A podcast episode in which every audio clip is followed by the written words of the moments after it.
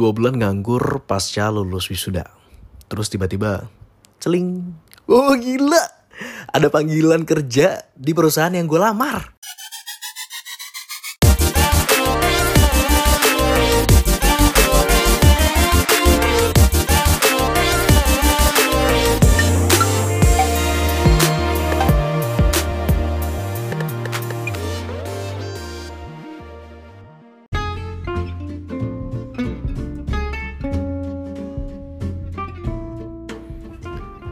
Datang, ngisi formulir biodata, habis itu ikutan psikotes, lolos, dan masuk ke tahap pamungkas. Yap, wawancara. Bagi fresh graduate atau yang baru lulus, tahapan ini bisa jadi merupakan uh, the next level of ketegangan setelah menghadapi sidang oleh dosen-dosen di kampus. Ini juga bakal jadi hal yang menegangkan banget gak sih? Tapi sebenarnya bukan buat fresh graduate doang. Buat mereka yang udah pernah kerja sebelumnya, tahap wawancara ini tetap penting. Nah gimana caranya supaya wawancara kerja ini tidak menjadi momok yang menakutkan bagi calon pelamar kerja atau bagi pelamar kerja gitu ya. Gue bakal share beberapa tips nih supaya wawancara kerja lo ini bisa membuat HRD kepincut sama lo. Atau si user yang wawancara lo. Yang pertama nih, ini HRD pasti bakal suka sama uh, bentuk wawancara atau interview yang punya persiapan. Seenggaknya kan lo udah tahu dulu nih, uh, lo ngelamar di posisi atau jabatan apa, terus perusahaan yang lo lamar itu seperti apa. Uh, karena nanti pasti akan ada pertanyaan, apa yang kamu ketahui tentang perusahaan kami, Cile, misalnya gitu ya. Terus jawab, uh, saya tahu perusahaan ini adalah bla bla bla segala macam gitu. Nah, biasanya ini menentukan atau membuat gambaran bagi si interviewer atau si orang yang ngewawancara lo, HRD ataupun user lo, bisa ngeliat gitu kalau, oh berarti lo interest sama perusahaan gue gitu. Berarti lo punya minat dengan ini gitu, makanya lo sampai tahu perusahaan gue, sampai tahu persiapannya, dan lo ngelakuin persiapan untuk bisa wawancara ini gitu kan karena ini berkaitan tentang uh, persiapan, makanya lo juga mesti uh, tunjukin bahwa lo sudah siap dengan berbagai macam modal diri lo untuk wawancara tersebut. Salah satu modalnya adalah, nih poin yang kedua, percaya diri dan jujur. Bener gak sih? Kalau misalnya hmm, wawancara itu sebenarnya bukan terkait konten-konten apa aja yang lo sampaikan atau jawaban-jawaban apa aja yang lo uh, bilang gitu ketika ditanya, tapi juga gestur tubuh lo, terus uh, sikap lo, nada bicara lo gitu. Kelihatan loh orang yang nggak pede, mungkin hmm, gestur tubuhnya agak nunduk-nunduk gitu atau malu-malu atau gimana gitu ya. Ya gue tahu lo pasti butuh kerjaan. Gue tahu uh, misalkan lo fresh graduate yang masih ya nggak tau lah nggak ada pengalamannya gitu misalnya. Tapi not that lo tetap harus menunjukkan bahwa lo punya potensi, bahwa lo punya skill di bidang yang akan lo lamar itu. Makanya lo mesti percaya diri. Dan tadi yang gue bilang, jujur men, jangan sampai lo mengada-ngada jawabannya atau jangan sampai lo ngarang-ngarang nulis di CV lo apa tapi lo jawabnya uh, gimana gitu misalnya. Karena lo pengen nunjukin betapa lo itu kerennya betapa lo itu berkualitasnya gitu. Terus lo ngada-ngada jawabannya nggak jujur. Nah pun lo tetap mesti komunikatif. Kalau misalnya uh, interviewer kayak HRD ataupun juga usernya nanya lo jangan jawab seadanya aja Ben. Bener-bener kayak uh, coba jelaskan tentang diri lo. Nama saya eh coba jelaskan tentang diri anda cie biar lebih profesional gitu ya langsung jawabannya nama saya Agung Hardiansyah saya lulusan universitas ini. That's it. Segitu doang. Itu beneran men. Nggak akan bikin HRD uh, terpukau gitu. Lo mesti jelasin uh, atau mendeskripsikan diri lo dengan baik. Misalnya kayak Nama saya Agung Hardiansyah, saya lulusan Universitas bla bla bla. Saya suka dengan uh, bidang pekerjaan ini karena menurut saya ini sesuai dengan passion saya dan saya juga punya visi yang matang dengan perusahaan ini. Saya berharap kontribusi saya sih dan uh, potensi yang saya miliki ini bisa sejalan dengan uh, perusahaan dan bla bla bla. Lo bisa cerita hal-hal kayak gitu aja sih.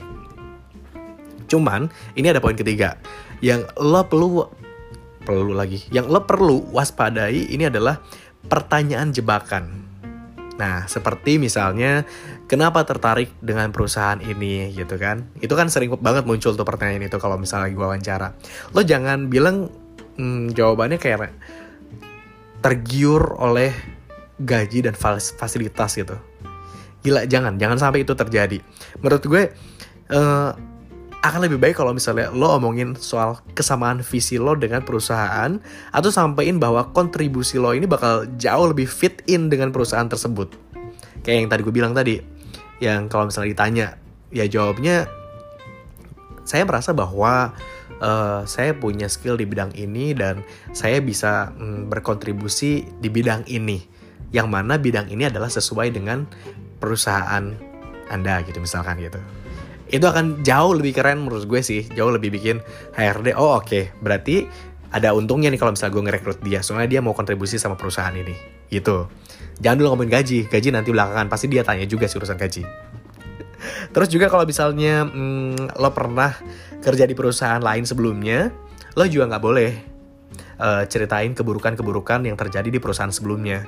Dengan begitu si user atau si HRD akan menilai lo sebagai orang yang kayak gila dia hatred banget ya gitu. Uh, penyebar kebencian.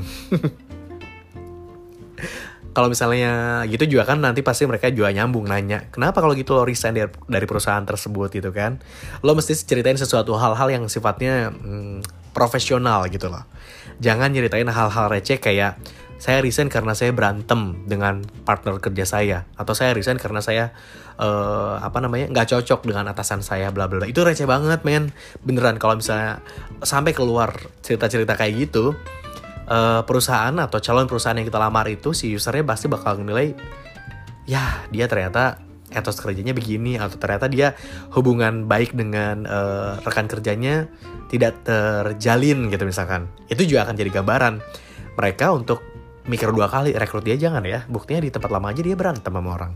Ya kan? Hmm. terus kalau misalnya ditanya gaji nih finally nanti akan ada pertanyaan tentang gaji lo harus pikirkan jawaban jawabannya diplomatis. Uh, argumen-argumen lo tuh harus uh, didasarkan oleh alasan-alasan yang kuat. Kayak misalnya hmm, berapa gaji yang anda minta? Lo mesti bilang uh, berdasarkan pengukuran saya dan uh, kerjaan saya misalkan bobotnya segini segini gitu. Maka itu pantas dihargai sekian gitu. Tapi uh, pasti lo udah riset dulu kan? Di podcast sebelumnya gue pernah bilang kayak lo mesti riset dulu berapa gaji di perusahaan itu standarnya rata-rata. Nah jadi lo bisa memberikan uh, argumen atau keingin ekspektasi gaji lo sesuai dengan uh, skill yang lo punya dan kontribusi yang bakal lo kasih ke mereka besarannya seperti apa, namun juga tidak keluar dari standar pegajian di perusahaan tersebut. Jangan sampai uh, kinerja lo dibayar terlalu murah, tapi at, jangan juga sampai lo ekspektasi ketinggian dengan kinerja lo yang segini gitu misalkan. Gitu. Tips yang keempat, ini terkait hmm, apa ya? Latar belakang sih ya. Karena sebagian HRD masih percaya kalau pelamar ini harus punya latar belakang yang senada atau sama. Kalau misalnya uh, kamu pernah bersinggungan dengan posisi yang, uh, iya bener kan? Kalau misalnya lo apa namanya pernah bersinggungan dengan posisi yang lo lamar, biasanya biasanya itu HRD akan tertarik. Kayak misalnya kesamaan latar belakang deh gitu. Orang mau ngelamar sebagai PR ya HRD pasti akan lebih seneng kalau latar belakang pendidikan lo sebenarnya PR gitu kan atau lo mau ngelamar sebagai marketing HRD mungkin akan seneng kalau misalnya latar belakang pendidikan lo marketing atau lo pernah punya pengalaman sebagai marketing atau lo pernah punya pengalaman organisasi di bidang pemasaran kayak gitu-gitu ya. Cuman ini nggak menjadi sebuah batasan bahwa lo yang berbeda pun sebenarnya bisa menurut gue.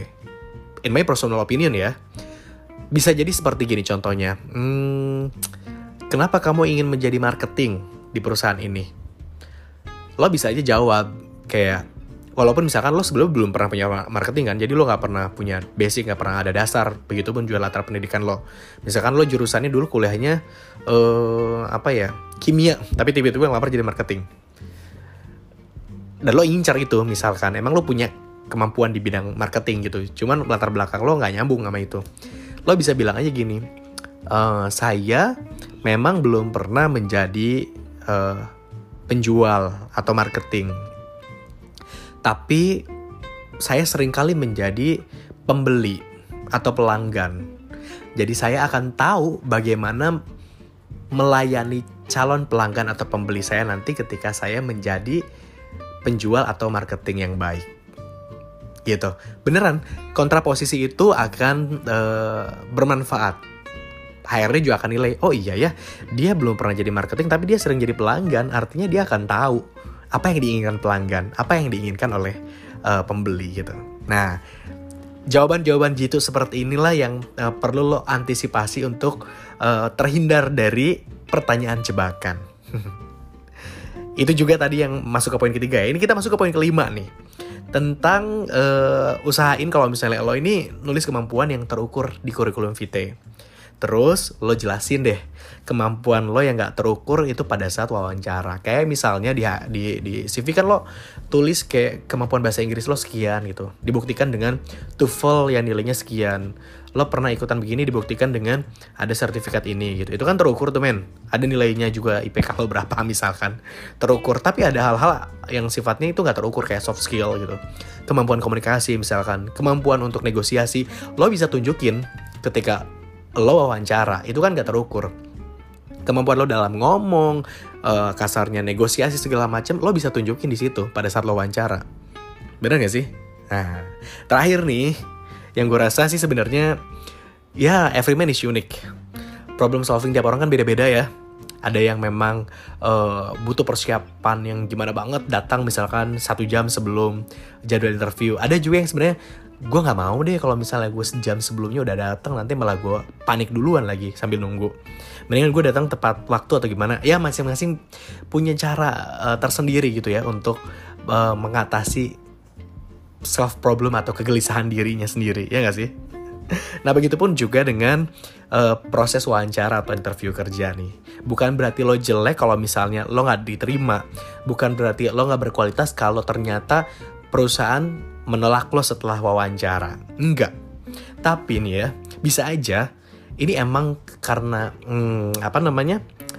Apa yang lo punya ini nggak cocok dengan apa yang dibutuhkan perusahaan atau apa yang dikepengenin sama perusahaan yang lo lamar.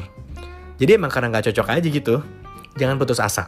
Nih terakhir gue bilang jangan jangan putus asa, cari lagi sampai lo dapet jodoh yang terbaik. lo kok ngomongin jodoh ya?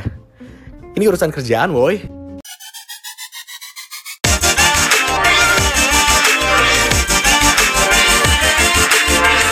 Gua Agus Hardiansyah pamit. Mudah-mudahan apa yang gue sampein bisa bermanfaat buat lo semua. Critics and input are welcome, so please just do not hesitate to contact at Adhardiansyah in all social media platform. Thank you for listening. What's up, Hardy? See you at next episode. Stay happy and good luck.